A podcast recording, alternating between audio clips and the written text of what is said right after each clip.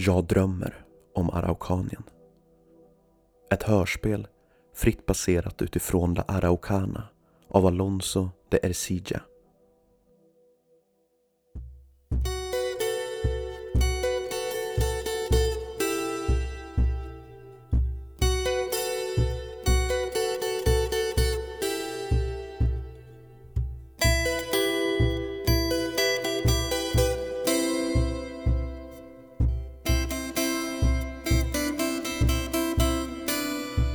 2019. Jag ser på nyheterna att det brinner i Chile. Mitt andra land. Mitt andra folk. Det brinner hos människorna, i deras hem och på deras gator och torg.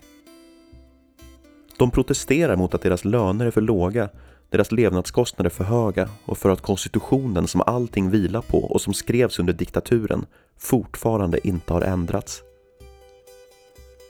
I konstitutionen ges bland annat militären oinskränkt makt. Folket blir beskjutet av sin egen regering, sin egen polis och militär. Den statsmakt som svurit att försvara sitt folk ämnar nu utöva kontroll över detsamma inför hotet om en möjlig revolution. Mönstret med en militärmakt som börjar utöva övervåld mot sin egen befolkning känns alldeles för bekant för en som växt upp med sånger om kamp, antiimperialism och Che Guevara och berättelser om flykt, tortyr och förföljelse. Med stigande oro följer jag protesterna på distans i mitt lilla, kalla och nordliga land. Jag känner igen känslan av att något borde göras. Men vad? Jag ringer och pratar med min pappa om det jag läst och det han har hört av sina syskon som bor kvar i Chile. Han säger att de berättar att det inte känns bra att se militär patrullera gatorna igen. Att det för tankarna tillbaka till kuppen. Jag säger att jag förstår det och jag vet inte riktigt vad mer som kan sägas. Jag känner mig frånkopplad. Jag förstår att det förstås är min kamp lika mycket som min familjs men avståndet fungerar bedövande.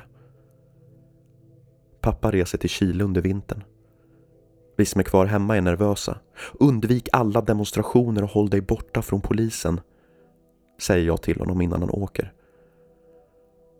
Han lovar att han ska göra det. Själv är jag hemma och dövar min oro genom att lyssna på musiken som pappa spelat för mig i min barndom. Den drar mig in och den gör mig lugn. De välbekanta tonerna får mig att tänka på tiden de berättar om. På pappas flykt och exilen. På Chile från långt tidigare. Jag börjar läsa om Chile. Om arvet efter Pinochet. Och kommer över det chilenska urfolket mapuche. Jag läser vidare. Och vidare. Och vidare. Mapuches är det enda urfolket i Sydamerika som inte koloniserats. Idag verkar de stadigt behandlas sämre och har enligt Chiles konstitution lagstadgat mindre rättigheter än chilenare. När pappa väl har kommit hem från Chile berättar jag om det jag läst och frågar honom om mapuches. Hur kommer det sig att de inte föll för spanjorerna när till exempel inka som både hade skriftspråk och tekniska hjälpmedel gjorde det? Han funderar Sen säger han Känner du till Lautaro?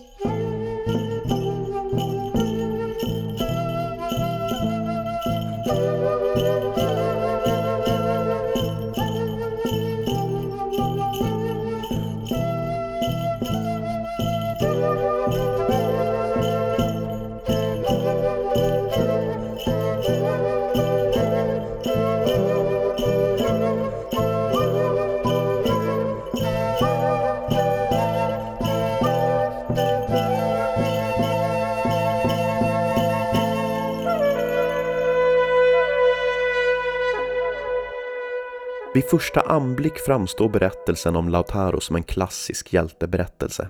En sydamerikansk David mot Goliat. I Chile är Lautaros historia välkänd och han hålls hos de flesta som en hjälte och symbol för frihet. Torg och statyer har uppkallats och rests i hans ära. Lautaros liv präglades av våld, hämnd, en känsla av utanförskap och kamp mot en förtryckande makt. Mapuches kamp för frihet mot de spanska kolonisatörerna saknar motstycke i Sydamerika. Under 400 år kuvades aldrig mapuches trots att de var så tekniskt underlägsna spanjorerna. Mycket tack vare en ung man som gav sitt liv för en större sak.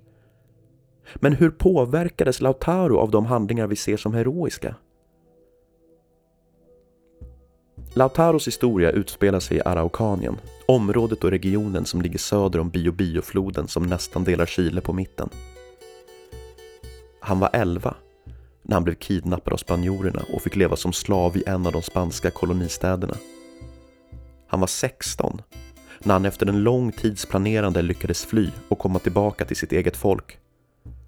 Han var 17 när han blev vald till krigsgeneral för alla mapuches och han var 19 när han med hjälp av sin egenhändigt utbildade armé lyckades lura den spanska hären i ett bakhåll och döda den spanska general som hållit honom fängslad i alla år. När han var 23 mördades han av en spansk general efter att han och mapuchearmén blivit förrådd av andra urfolk och deras position avslöjats. Fram till sin död drömde Lautaro om ett fritt Araukanien.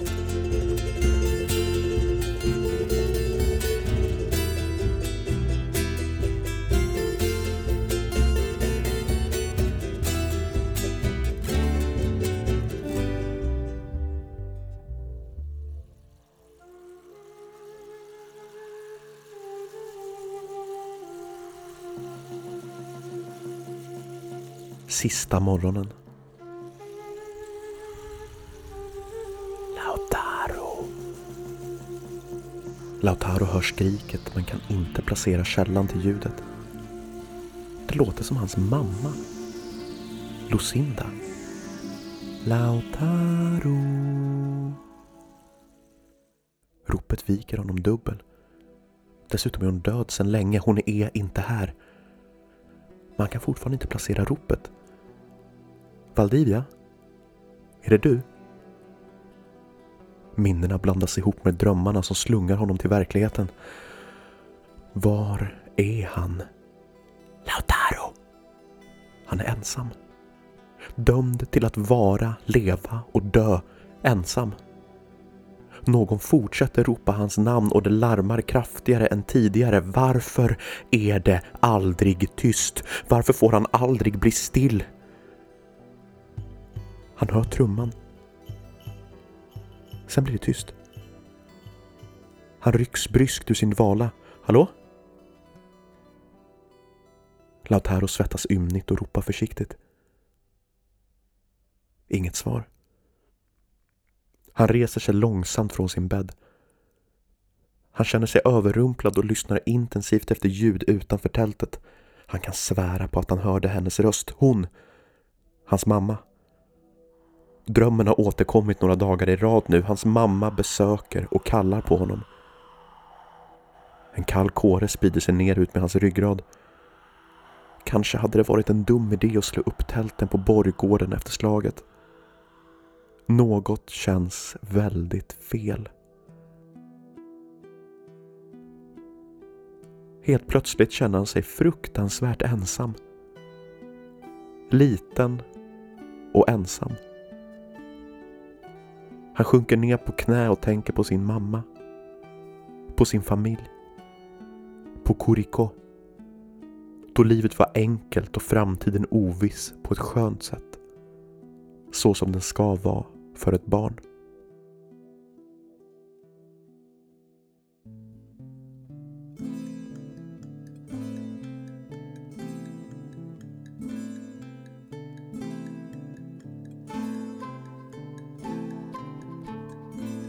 I ett av sina tidigaste minnen jagas han av sin mamma för att han glömt att plocka in verktygen i tältet. Han springer i strömmens riktning längs flodkanten och försöker undvika att trampa på vassa stenar. Lautaro vet att om han bara lyckas hålla sig undan under de första minuterna av sin mammas raserianfall kommer hon sen lugna ner sig och han bara få en tillsägelse. Lite längre ner vid flodbanken står hans vän Nawel och tvättar sig. Nawel! ropar Lautaro högt och Nawel ser upp, förstår direkt och sätter av tillsammans med Lautaro. Vad har du gjort nu?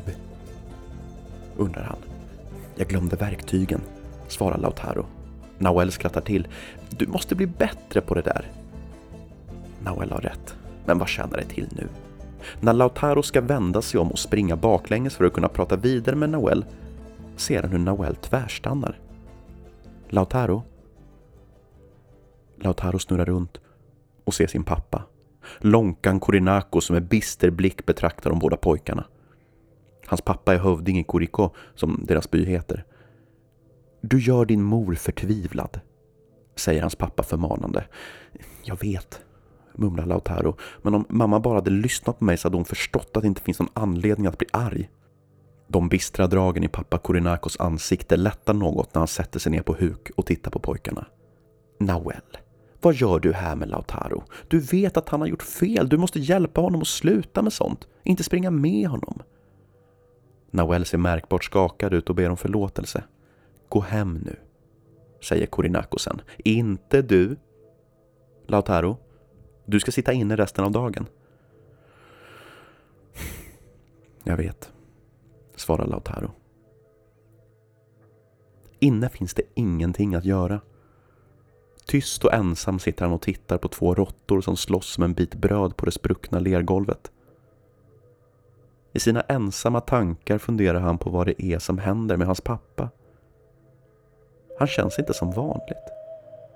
Det är som om en slöja av oro har lagt sig över honom och att han nu bär ansvaret för hela byns trygghet på sina axlar.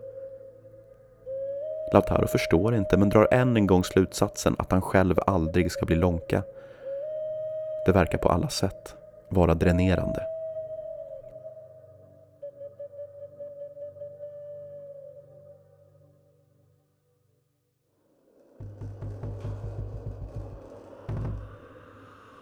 Mitt i natten väcks han av att någon ropar. Lautaro! Vakna, du måste vakna nu! Hans mamma skakar honom desperat. Utanför tältet hör han ett växande oväsen. Skrik från människor. Är det en puma? Hinner han tänka innan han rycks upp från sin filt och dras med mot tältöppningen. Synen som möter honom där utanför kommer aldrig att lämna honom. Kroppar staplade på varandra. Blod överallt skrik. Vuxna människor, människor han växte upp med, skriker i desperation. Det går runt i huvudet på honom och han mår plötsligt väldigt illa. Mamma, jag måste kräkas. Och hon rycker bara med honom vidare bort i folkhavet. Det tjuter i hans öron och när han tittar upp och bortåt efter sin pappa så ser han kentaurliknande varelser som pekar mot hans folk med käppar. Det smäller högt och släkt och vänner faller döda ner. Det blänker och skiner om varelserna som verkar ha tagit hästarnas kroppar i besittning. Ingen försöker skada dem, alla han känner ser livrädda ut och springer det snabbaste de kan. Det gör han också tillsammans med sin mamma. Var är pappa? Han behöver inget svar. Han kan själv se honom nu. Iklädd sin högtidsdräkt med det breda röda pannbandet går han stadigt mot en av kentaurerna med armarna höjda i luften. Lautaro hör sin pappa ropa om nåd och ser honom gestikulera mot sitt folk som flyr åt alla håll. För en sekund blir han lugn. Det kommer gå bra. Då smäller det igen och hans pappa segnar ner. Tungt och onaturligt. Lautaro står fastfrusen i marken paralyserad och oförmögen att skrika eller attackera. Han känner sin mamma rycka honom i armen men han kan inte röra benen. Han har glömt bort hur man gör. Till slut återfår han kontrollen över sina lemmar och börjar springa igen, men då är det kentaurer överallt och hela tiden fortsätter smällarna att studsa och eka mellan hyddor och tält. Hans mamma stannar upp och Lautaro vänder sig om för att rycka i henne. Han ser blod rinna från hennes mage innan han hör en smäll till. och hon faller framåt och landar i den blodblandade leran. Mamma, du måste komma med nu. Vi måste skynda oss, mamma. Mamma! Lautaro försöker ruska liv i henne igen. Men när försöken är lönlösa reser han sig upp och tittar på kentaurerna. Så ser han en av dem som riktar sin stav mot honom. Och då börjar han springa. Inte från, utan mot kentauren samtidigt som han skriker allt vad han kan. I periferin ser han ett blänkande föremål närma sig ansiktet och innan han hinner reagera träffas han av något stort och trubbigt och faller ihop.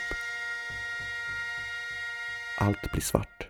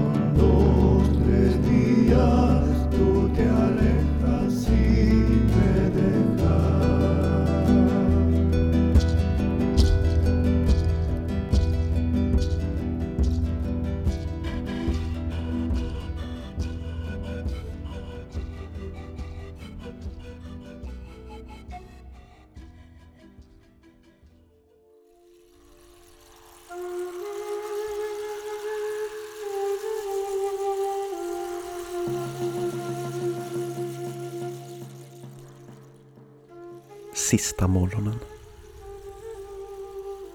Så tyst han kan börjar Lautaro leta efter sitt spjut som ska stå lutat mot ett av tältets väggar. Hela tiden intensivt lyssnande efter eventuella avvikande ljud utifrån. Han tänder inte sin eldstad igen utan rör sig kisande över golvet. Till slut hittar han sitt bälte och sitt breda röda pannband. Bredvid dem ser han något blänka och förstår att det måste vara spetsen på spjutet som har vält. När han böjer sig ner för att plocka upp den trillar något tungt ur hans bälte. Han försöker greppa det i luften men hör det dova ljudet av metall som slår i jord när han misslyckas. Sittandes på huk börjar han klappa över marken för att finna sin kniv. Det gör han till slut. Han sätter tillbaka den i bältet och reser sig upp.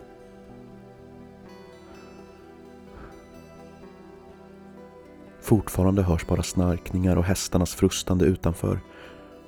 Men något är fel. Han känner det i hela kroppen. Han tar upp kniven och håller den i handen. Känner dess vikt. Det är en spansk jaktkniv i klassiskt snitt. Bladet cirka 20 cm långt och med en liten klyka vid fästet så att inte handen ska råka slinta upp på bladet. Den ligger bra i handen. Han har inte slagits en strid eller haft ett möte utan just den här stulna spanska kniven som har kommit att bli en symbol för friheten för honom som ingen annan kan förstå.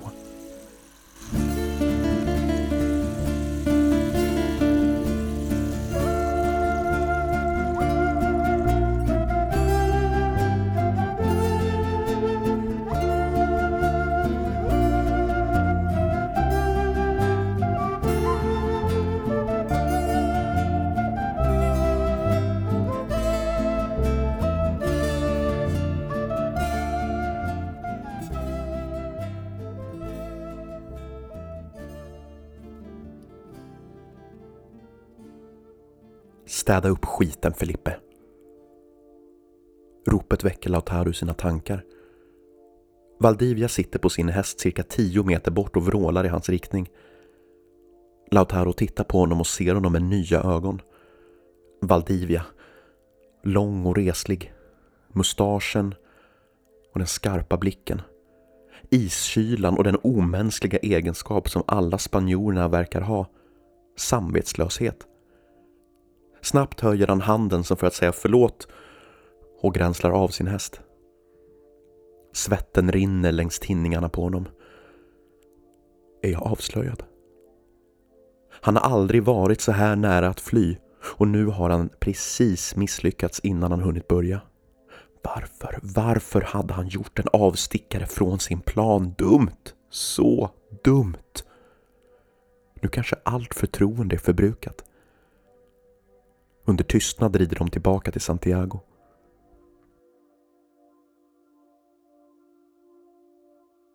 Mycket har hunnit hända sedan Lautaro blev kidnappad i Curicó som 11-åring. Han hade nu hunnit fylla 16 och var Pedro de Valdivias personliga valet. Valdivia har visat sig vara den högst uppsatta generalen och den kentaur i blankast skinande stål Lautaro sett under mordet på hans folk.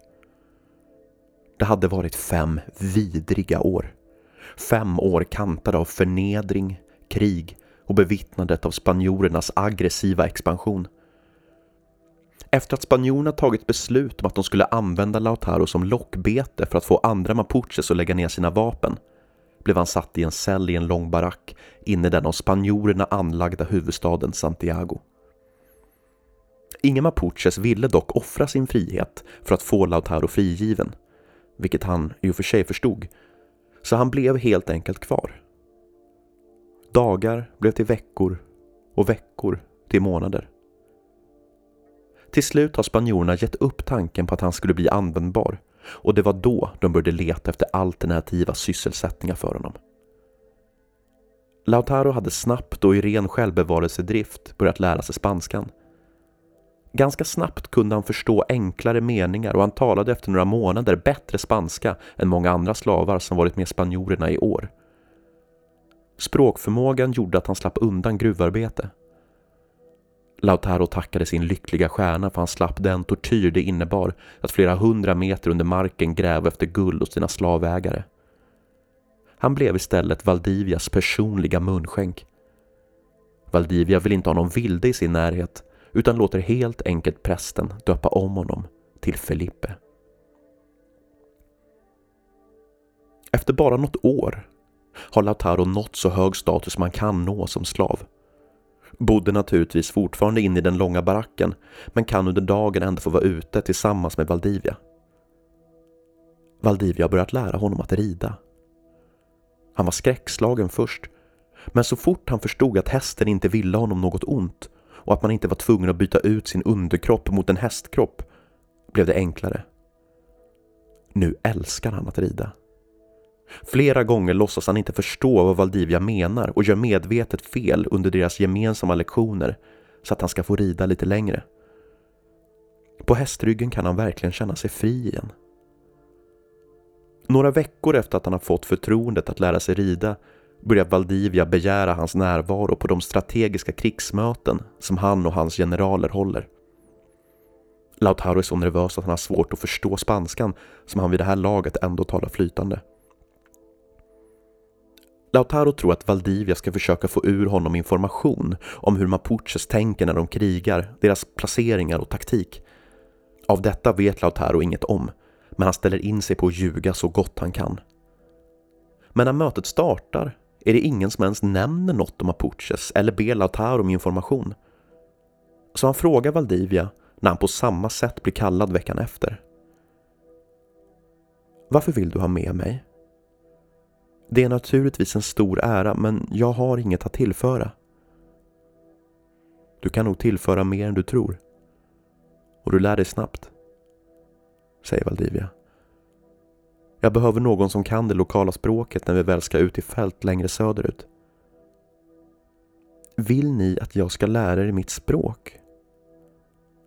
Frågar Lautaro.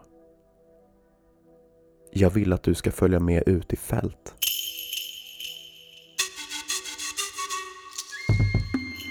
Slag efter slag tvingar Valdivia Lautaro att se sitt eget folk mördas och torteras. I början är det fruktansvärt. Han mår så dåligt att han kräks och svimmar. Ber om nåd och skriker åt Valdivia att han gör vad som helst, vad som helst. Bara han slipper följa med igen. Till slut ber han om att få dö. Valdivia svarar med fler strider. Till slut är det någonting som ger upp i Lautaro. Inte övertygelsen om det naturvidriga att tvingas bevittna och ibland delta i massutrotningen av sitt eget folk, men chocken över att bli förnedrad. Han förstår att det kommer fortsätta och att om han sätter sig emot kommer han till slut bli knäckt. Dessutom skulle han antagligen gå miste om sin position och därigenom också sina möjligheter att fly. Nej, det gäller att spela och det gäller att spela smart. Så en dag slutar han be och gråta och biter ihop. Men det är svårt. Nätterna är värst. Han känner sig så förtvivlat ensam. Det är när han kommer hem efter nästa slag han bestämmer sig. Han ska vittja Valdivia på så mycket information han bara kan och sen ska han fly.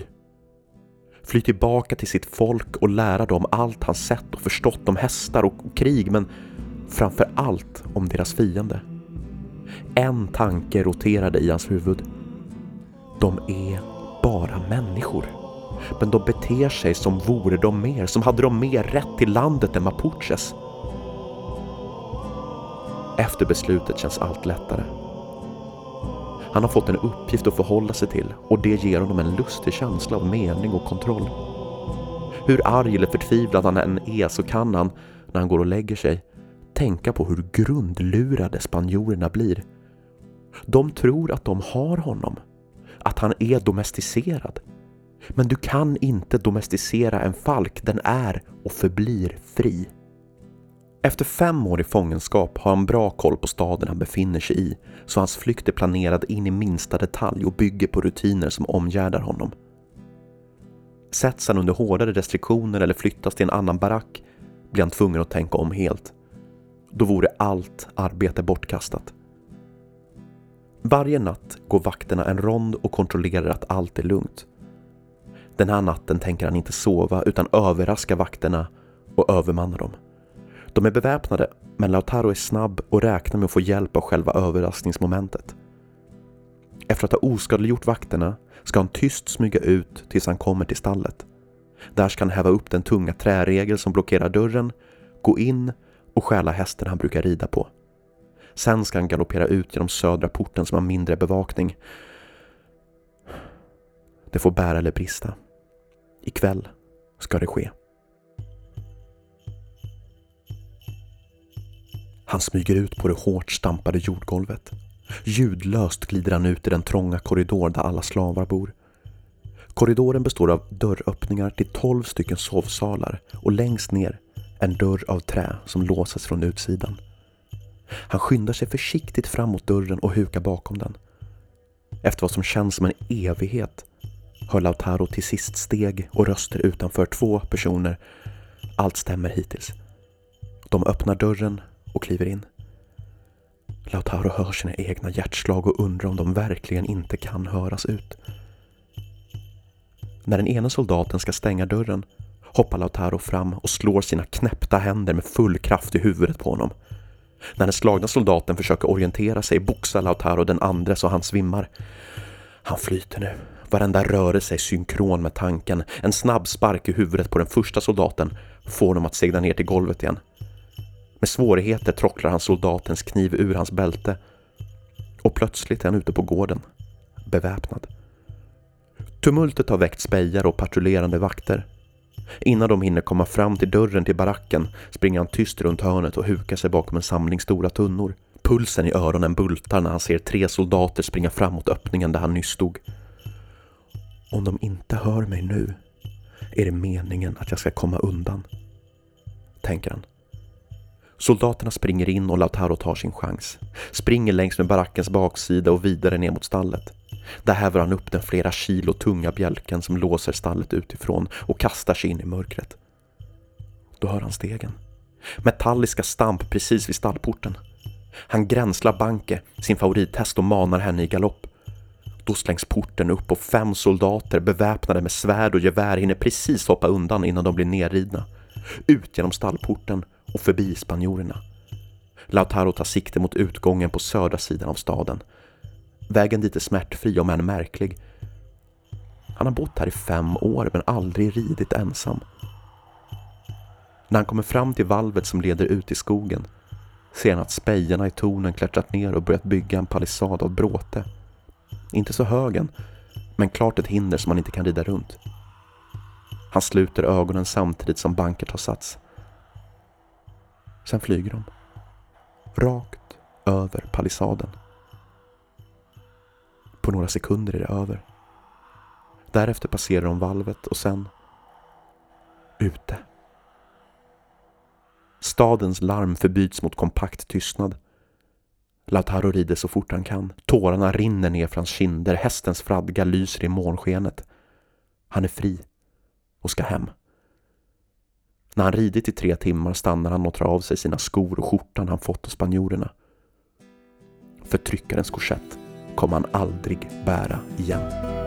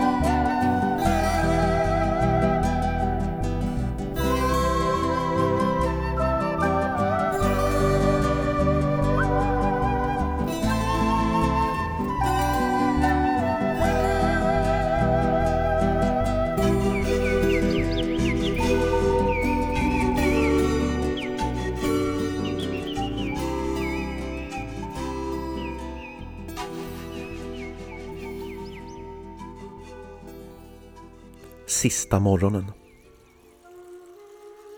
Lautaro står precis intill tältöppningen och lyssnar. Fokuserar bortåt och utåt. Det verkar vara vindstilla. Försiktigt rör han sig så att han står precis i den millimetertunna glipa som tältduken skapar. Men allt han ser när han sneglar ut är ett disigt mörker. Hörde han inte hästarna alldeles nyss? Långsamt smyger han ut ur tältet med ett hårt grepp om spjutet och kniven. Det första han känner när han kommer ut är en svag doft av grillat. Doften avväpnar honom något. Han tar några steg till och lyssnar uppmärksamt. Långt borta börjar han ana en soluppgång. Men den dröjer nog ännu några minuter.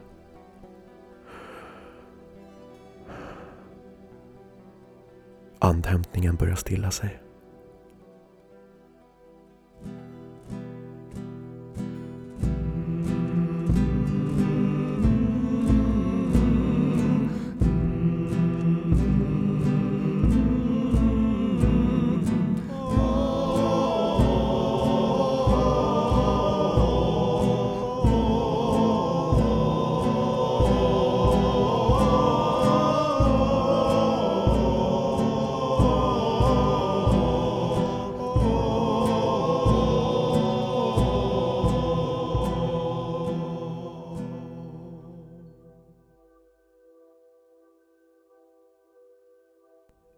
Det är när de planerar bakhållet och anfallet på Valdivia och den stora spanska armén som Lautaro för första gången inser vad det är de har skapat. Så länge han kan minnas, innan han kidnappades av de spanska demonerna, har han drömt om att slippa regera, slippa bestämma. med hans hjälp har ett folk utan tidigare gemenskap kraftsamlat och organiserat sig till en stark kropp. Mapuches styresätt var primitivt men fungerande. Det såg ut som så att alla Mapuchebyar styrdes autonomt av en lonka, så som Lautaros pappa en gång hade varit, och dennes råd av åldermän. Byarnas samarbete sinsemellan hade varit i stort sett obefintligt förutom de få träffarna som åldermännen hade med varandra. Under de träffarna diskuterades uppdelning av territorier, straffsatser för avvikelse mot deras regelverk och eventuell inställning vid krig. Vid krig skulle lånkorna i byarna avsättas till förmån för en toki i varje by, en krigsledare med politisk makt. Vad Lautaro hävdade vid sin hemkomst uppfattades först som en omöjlighet. Avsätta alla lånkor, utropa krigsläge och samla alla mapuches under en enda toki. Han själv. Han var den enda som kunde den spanska krigskonsten och den enda som kunde rida. Han mindes det utslagsgivande samtalet. Han hade nästan gett upp vid det laget efter att utan framgång ha fått träffa åldermännen flera gånger. De var misstänksamma mot honom eftersom att han varit så länge i fångenskap. Dessutom fick han aldrig utveckla sitt resonemang utan blev hela tiden avbruten av lånkorna. Till slut blev han förtvivlad. Hans önskan om att slippa känna sig utanför och ensam hade inte slagit in och dessutom började han bli riktigt rädd för att Valdivia redan var efter honom. Efter dem alla. Vore de inte förberedda då, när hela den spanska armén kom, skulle de inte ha en chans. Därmed gav han det ett sista försök. Åldermännen hade samlats för att diskutera som de brukade och Lautaro klev oannonserad in och ställde sig i mitten av rummet. Vi befinner oss i öppen konflikt med spanjorerna vare sig vi vill eller inte och måste därför förhålla oss till det som ett krig. Vi behöver en krigsgeneral, en toki, en som kan strategi och taktik, en som förstår sig på både spanjorerna och mapuches. Vi behöver mig. Åldermännen fortsatte att vara skeptiska. De anmärkte återigen på hans ålder, att han bara var 16. För det andra, sa de, är det få mapucher som vet vem du är och därför skulle de ha svårt att lägga sitt liv i dina händer. För det är vad det innebär. Han fortsatte, dessutom så kan ju du lika gärna vara en spanjor som förklätt dig för att bedra oss. Hur och varför ska vi kunna lita på dig? Vi håller motstånd så gott vi kan. Lautaro blev tyst. Sen sa han. Det är sant att ni inte känner mig, men ni kan inte heller vinna mot spanjorerna ensamma. Jag känner dem. Jag vet hur de tänker, men vi är fler om vi samarbetar. Om ni ger mig stöd så har jag idéer som kommer föra oss samman. Det är mitt löfte till er. Mitt hat mot spanjorer är större än allt ert samlade förakt. Lyssna på mig nu. Vi har hört nog utbrast överlånkan, la handen på sin påk och reste sig upp. Lämna oss och far tillbaka dit du kom ifrån. Nej. Lautaro flög upp, drog kniven han stulit från soldaten i baracken. Stålet blänkte i solen. Den här stal jag från en spansk soldat som försökte mörda mig i cellen där jag hölls fången. Ingen borde ifrågasätta mina motiv. Är ni inte med mig kommer jag kriga själv och då kommer vi alla att dö. Han släpper kniven som faller till marken. Överlånkan satte sig igen och gapade. Ingen sa någonting. Lautaro visste att han hade tagit en stor risk. Man gick inte in oannonserad i ett åldermansråd och bad om total makt. Då reste sig plötsligt överlånkan igen. Vi röstar, sa han. Hur många vill ha den unge mannen som Toki? Då är det avgjort, sa Lonkan. Vad heter du? Lautaro. Efter det går allt fort. Alla vuxna mapuches samlas och organiseras i plutoner, skvadroner och bataljoner. Lautaro lär alla, män som kvinnor, barn som vuxna, att rida. De gör nattliga räder norrut för att stjäla hästar från små spanska oskyddade samhällen och lyckas även få med sig vapen. Snart kan Lautaro titta ut över ett enat folk som både kan rida och strida. Nu börjar han planera sin hämnd på Valdivia.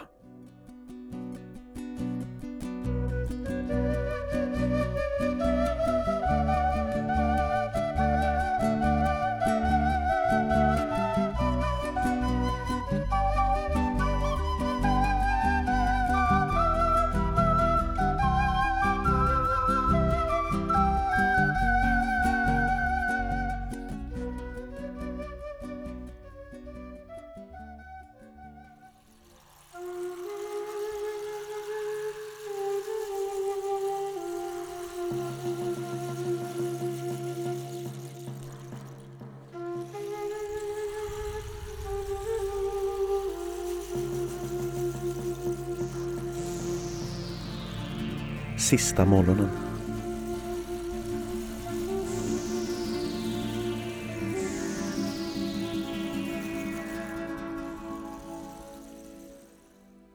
Det är som att den lätta brisen stannar av när solens första strålar börjar klättra upp för Lautaros kropp.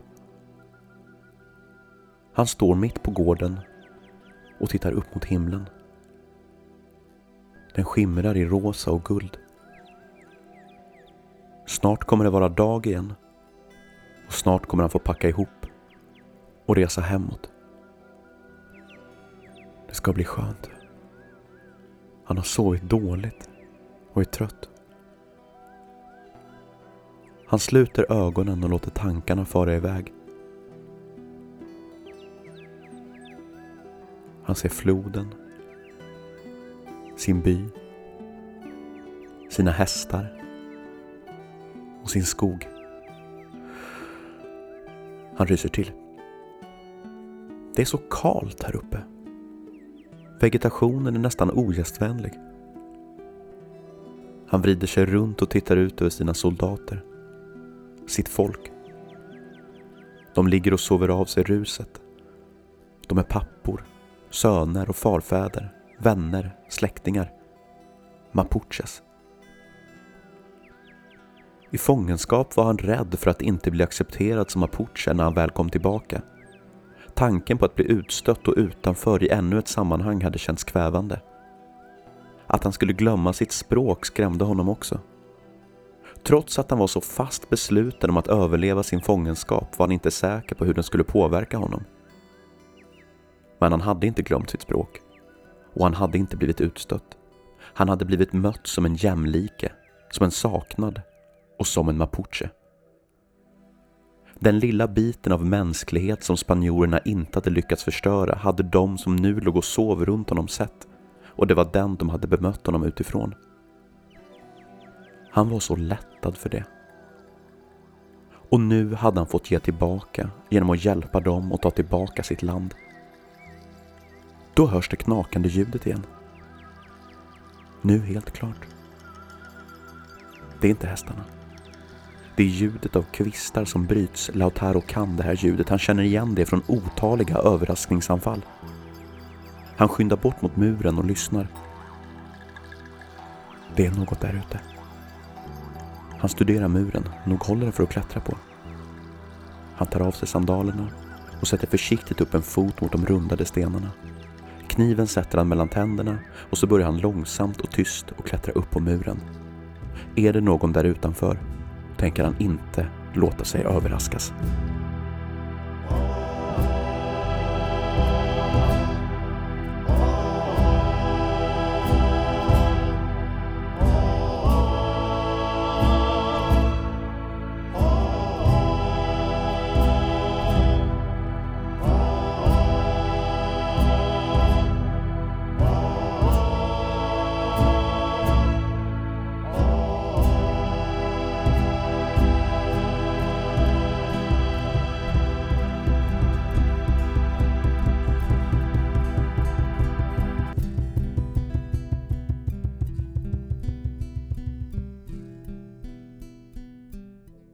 Lautaro skulle aldrig glömma blicken i Valdivias ögon när 3000 mapucher beväpnade till tänderna kom ridande ur skogen. Blicken, tom och desperat, sökt förklaringar i det totala kaoset som uppstod när den rörliga kraften träffade deras stillastående objekt. I skydd av vegetationen hade Lautaro och hans mapuches slagit en ogenomtränglig halvcirkel runt fortet som Valdivia befinner sig i. Lautaro visste att en mot en var mapuches chanslösa då de var tekniskt underlägsna och utan skyddsutrustning. Men om de spelade på sina styrkor och utnyttjade det faktum att de var cirka 6000 man i den stora armén skulle de kunna förinta sitt mål innan de tar för mycket skada. Planen gick ut på att dela upp armén i två delar och låta den gömda delen av hären slå till när den första blivit trött och decimerad. På så sätt skulle Valdivias armé tröttas ut och ha svårt att ställa om. Ett presskrig helt enkelt. Trötta ut fienden tills att de börjar göra misstag. Trötta ut fienden tills att de börjar göra misstag. Mumlade Lautaro om och om igen för sig själv.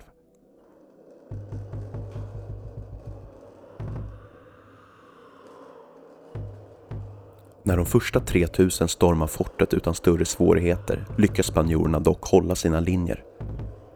Valdivia sitter upp på sin häst och vrålar instruktioner. Linjen får inte brytas. Trots överraskningsmomentet lyckas Valdivia hitta den defensiva positionen snabbt och efter någon halvtimme kan han trycka Mapuches tillbaka. Det är nu Trotrokan, Mapuches krigslur ljuder. Som på en given signal börjar Mapuches fly in i skogen. Valdivia jublar och manar på sina soldater att följa efter. Då öppnar sig skogen och ut kommer 3000 utvilade Mapuches. Valdivia stannar upp. Hans armé är redan slutkörd på väg genom skogen i jakt på Mapuches eller kurerande sina skadade. Inte en chans att de hinner ställa upp linjen igen. Han skriker upp igen, jag behöver att ni håller era linjer. Men den här gången går det inte. Lautaro skriker och manar Totruka-spelaren att blåsa kraftigare. De ska driva spanjorerna till vansinne. Så bryter Mapuches igenom den spanska försvarslinjen och kaos utbryter. Spanjorerna flyr åt alla håll. Lautaro skriker ingen ska tas till fånga. Döda alla utom Valdivia. Ett hämningslöst dödande sätter igång. När Lautaro ser sig omkring är det spanska nederlaget ett faktum. Spanska soldater ligger i drivor och med varje stupad spanjor kommer han närmre Valdivia. Hämndkänslorna i Lautaro ger honom inte den känslan av lugn och tillfredsställelse som han hade hoppats på. Han känner sig fortfarande tom och oförlöst. Han hoppas att den känslan ska gå över när han får tag på Valdivia. Just som han tänker det sedan Valdivia gränsla sin häst och börjar rida bortåt. Han flyr i den enda riktning som Lautaro ännu inte hunnit blockera. Lautaro tar upp jakten. Detta är hans marker och Valdivia ska inte lyckas komma undan.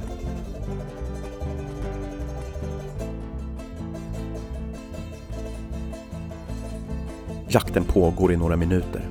Valdivia är snabb men Lautaro som känner till terrängen viker efter några kilometer strategiskt åt väster medan Valdivia fortsätter rakt fram och ner i ett kärr. Han skriker för sitt liv och försöker slå sig fri. Men ju mer han slår desto längre ner i dyn sjunker han. Lautaro betraktar honom lugnt tills att bara huvudet sticker upp. Då kliver han fram, slänger ett tjockt rep runt Valdivias hals och börjar bryskt dra upp honom. Under tiden börjar delar av hans mapuche-kavalleri anlända Striden är över och de står som segrare. Lautaro tittar ner på Valdivia och ser hur hans ögon flackar, försöker förstå. Precis när Valdivia öppnar munnen för att försöka säga något tar Lautaro tag i guldkedjan som Valdivia alltid bär runt halsen och trycker in den i hans mun. Han hör Valdivia stöta fram gutturala läten. När hela kedjan är inne i munnen virar han sitt pannband runt Valdivias skalle och käft så att han inte ska lyckas spotta ut guldet. Sen tar han kniven och drar det sylvassa bladet långsamt över Valdivias blottade hals. Blodet sipprar längs bladets ägg och flödar sedan ymnigt. Sen blir allt tyst. Mapuches runt honom blir fler och fler. Mapuches säger Lautaro samtidigt som han långsamt reser sig upp och torkar av blodet från kniven. Idag har vi avslutat det spanska angreppet på vårt land och våra liv. Den här mannen gör oss ingen skada mer. Aldrig mer ska vi slås i bojor och aldrig mer ska vi tvingas ge upp vårt land. Människorna runt honom jublar. Känslan är berusande, ändå är han inte riktigt nöjd. De skulle kunna göra mer. Varför stanna nu? Santiago bör brännas och förstöras. Den staden är som ett monument över spanjorernas ondskap. Dessutom en symbol för hans egen fångenskap. Där och då bestämmer han sig. Men vi kan inte vinna vår frihet innan vi har krossat och bränt alla förtryckarens hem och fördrivit dem från deras huvudstad. Imorgon startar vår marsch norrut. Imorgon startar marschen mot Santiago. Imorgon är den första dagen av resten av våra liv. Folkets jubel finns det ingen hejd på. Lautaro har aldrig varit besatt av att odla myter om sig själv, Men han kan inte hjälpa att känna sig oantastlig. Han kan inte göra fel. Hans vilja blir lag och lagen följs. Han utropar ett nytt tidevarv. Mapuchernas år. Vi slår läger innanför murarna, utropar Lautaro och tillsammans med sina fränder går de tillbaka mot fortet där slaget stod. Den spanska flaggan halas ner och det dukas upp för festmåltid. Lautaro själv går som på moln. Den natten sover han gott för första gången på flera år.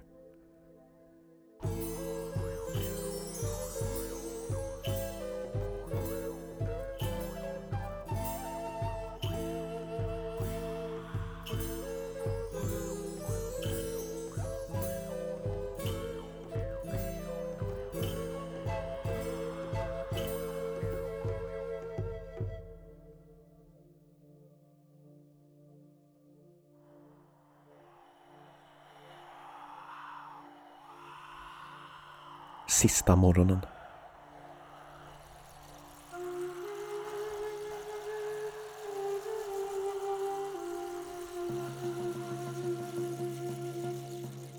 Uppe på muren ser Lautaro ingenting. Solen lyser upp marken under honom men där finns inget att se. När han böjer sig över kanten för att mer ingående studera marken ser han avtryck i leran beklädda fotspår och således inte några mapuches. Lautaro förstår inte hur det kan vara möjligt. Igår stoppade de den spanska armén. Möjligen kan några få soldater finnas kvar i de norra delarna av landet, men varför skulle de vara här och smyga omkring? Förvirrad vände han sig inåt borggården för att fundera. Det är då den tjocka träporten vräks upp och hundratals bepansrade spanjorer rusar in. Det känns som flera tusen. Vakna! Vrålar Lautaro så hans lungor håller på att spricka och flyger ner från muren. Tar tag i en trotrucka och stöter till. Spanjorerna vräker sig in i tälten på borggården. Många mapucher hinner knappt vakna innan de blir brutalt mördade. Vissa hinner upp och får tag i ett spjut men är så överraskade och bakfulla att de inte har en chans att formera sig till försvar. Panik utbryter. Lautaro hugger omkring sig. Han fäller en, två, fem, tolv spanjorer innan han känner något kallt mot benet. Han tittar ner och har svårt att greppa det han ser. En blänkande spik verkar ha trängt igenom hans vad. Han tittar på den men förstår inte. Smärta känner han inte alls. Först när han tar ett steg märker han att han inte har någon styrka i benet. Han dråsar omkull då benet inte bär honom och förstår att spiken är en pil. Med hjälp av sitt spjut drar han sig upp till stående igen men är nu klart försvagad. Han hugger igen. Nu mer i blindo och raseri. Runt omkring honom ser han sitt befriade folk falla till marken. Bakfulla och överrumplade. Förnedringen är nästan det värsta. I ögonvrån ser han en man i blankt lysande rustning rida in genom den vidöppna porten. Det är som om Valdivias spöke har kommit för att hämnas. Med sina sista krafter slungar han spjutet i riktning mot mannen. Spjutet flyger genom luften. Stryker förbi spanjorens högra höft för att slå i muren bakom honom. Det är över. Utan spjut att stödja sig på faller han ner på knä innan ryttaren är framme vid honom. Bakom ryggen har Lautaro upp kniven ur bältet. Soldatens kniv från Santiago, den som gjorde honom till Toki. Han måste locka spanjoren att komma nära, tänker han och låtsas be i panik. Mannen rör inte en min utan drar sitt svärd ovanför den unge mapucheledaren. Lautaro vräker sig fram och siktar med kniven mot soldatens hals. Då får han en pil i ryggen. Nu är smärtan påtaglig och ansatsen till motattack upphör lönlöst. Två spanjorer rycker upp Lautaro från marken samtidigt som ryttaren i rustning höjer sitt svärd igen. Ett hugg. Sen är allt över.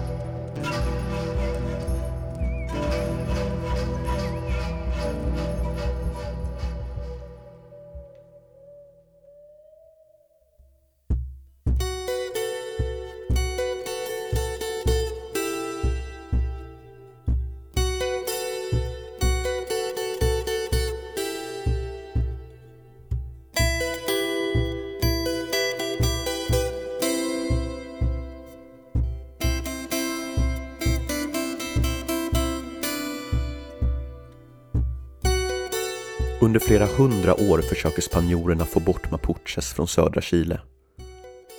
De skickar flera generaler, nya taktiker, guvernörer men ingen av dem lyckas.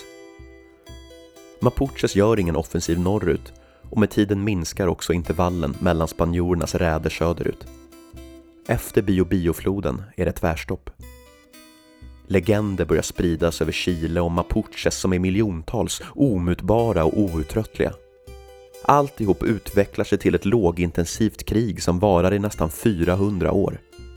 Vid sällsynta tillfällen upprättas handelsförbindelser och samtal, men det slutar alltid i konflikt och avbrutna förhandlingar. Grundproblemet kvarstår. Spanjorerna vill äga marken mapuches lever på. Mapuches vill leva i frihet. Först efter att det moderna Chile bildas och Bolivia besegras i kampen om Stilla havet bryts dödläget. Den moderna chilenska armén åker i slutet av 1800-talet helt sonika över Biobiofloden och mördar systematiskt alla mapuches de ser. Idag lever de flesta mapuches i diaspora. Borttvingade från sitt land försöker de överleva genom att bruka den lilla jord som staten tilldelat dem, söder om Biobiofloden. Chilenska bolag köper över deras huvuden samma jord av staten och använder den som skogsbruk. Det gör marken obeboelig och svårodlad. Motståndet mot den invasiva exploateringen av mapuches land är stort, även hos chilenare. När protesterna utbryter 2019 är den tändande gnistan att kostnaden för kollektivtrafiken stiger. Protesten sprider sig snabbt och mapuches är en grupp som direkt sällar sig till kampen. Från att handla om priser i kollektivtrafiken till en genomgripande protest mot landets ekonomiska politik är resan kort. Protesterna inbegriper snart även mapuches rätt till land och lagstadgade rättigheter. Mapuches kamp för frihet, som de under så många år drivit själva, har blivit gemensam sak. I april 2020 har påtryckningarna, nu även från omvärlden, blivit så stora att president Piñera tvingas utlysa folkomröstning gällande konstitutionen. Då lamslås världen och Chile av covid-19 Piñera flyttar folkomröstningen till oktober samma år och den chilenska befolkningen åläggs med utegångsförbud. Min pappa berättar att det ryktas om att den chilenska regeringen aktivt har använt pandemin till sin egen fördel för att få slut på protesterna, för att hitta en respit. Konspirationsteorier kanske någon tänker, men det är svårt att ha förtroende för politiker som gång på gång vägrar ta beslut som skyddar de mest utsatta, marginaliserade och fattiga i sitt eget land. Till slut blir det oktober och folkomröstningen hålls. 77 procent röstar för en ny konstitution. Piñera var tvungen att erkänna resultatet. Om regeringen hoppades på att få folket att glömma sitt politiska engagemang under isoleringen gick de bet. För Mapuches del är det här en av de största förändringarna på politisk nivå sedan Lautaro hjälpte dem att stoppa Valdivia. Nu är det 2021. Utegångsförbud gäller fortfarande på vissa platser. Vissa har precis fått sin andra spruta vaccin och kan ge sig ut på gatorna igen, men torgen är tomma. På Facebook läser jag att min faster inte har lämnat hemmet på ett år och runt La Plaza de Dignidad, torget i Santiago där protesterna startade 2019, har en stor mur i betong rests. För att hålla folk borta från platsen. Som om att det skulle hjälpa. Ett kalla kriget i miniatyr. Mina släktingar kallar alltihop för pinsamt. Allt vi önskar oss är värdighet. Många är de som nu vill gå från dröm till verklighet om ett Chile fritt från diktaturens ok och ett Araukanien fritt från kolonisatörernas arv. För en sak är säker. Det fanns ett före och det finns ett efter Lautaro. Det fanns ett Chile innan och det kommer finnas ett Chile efter dagens protester.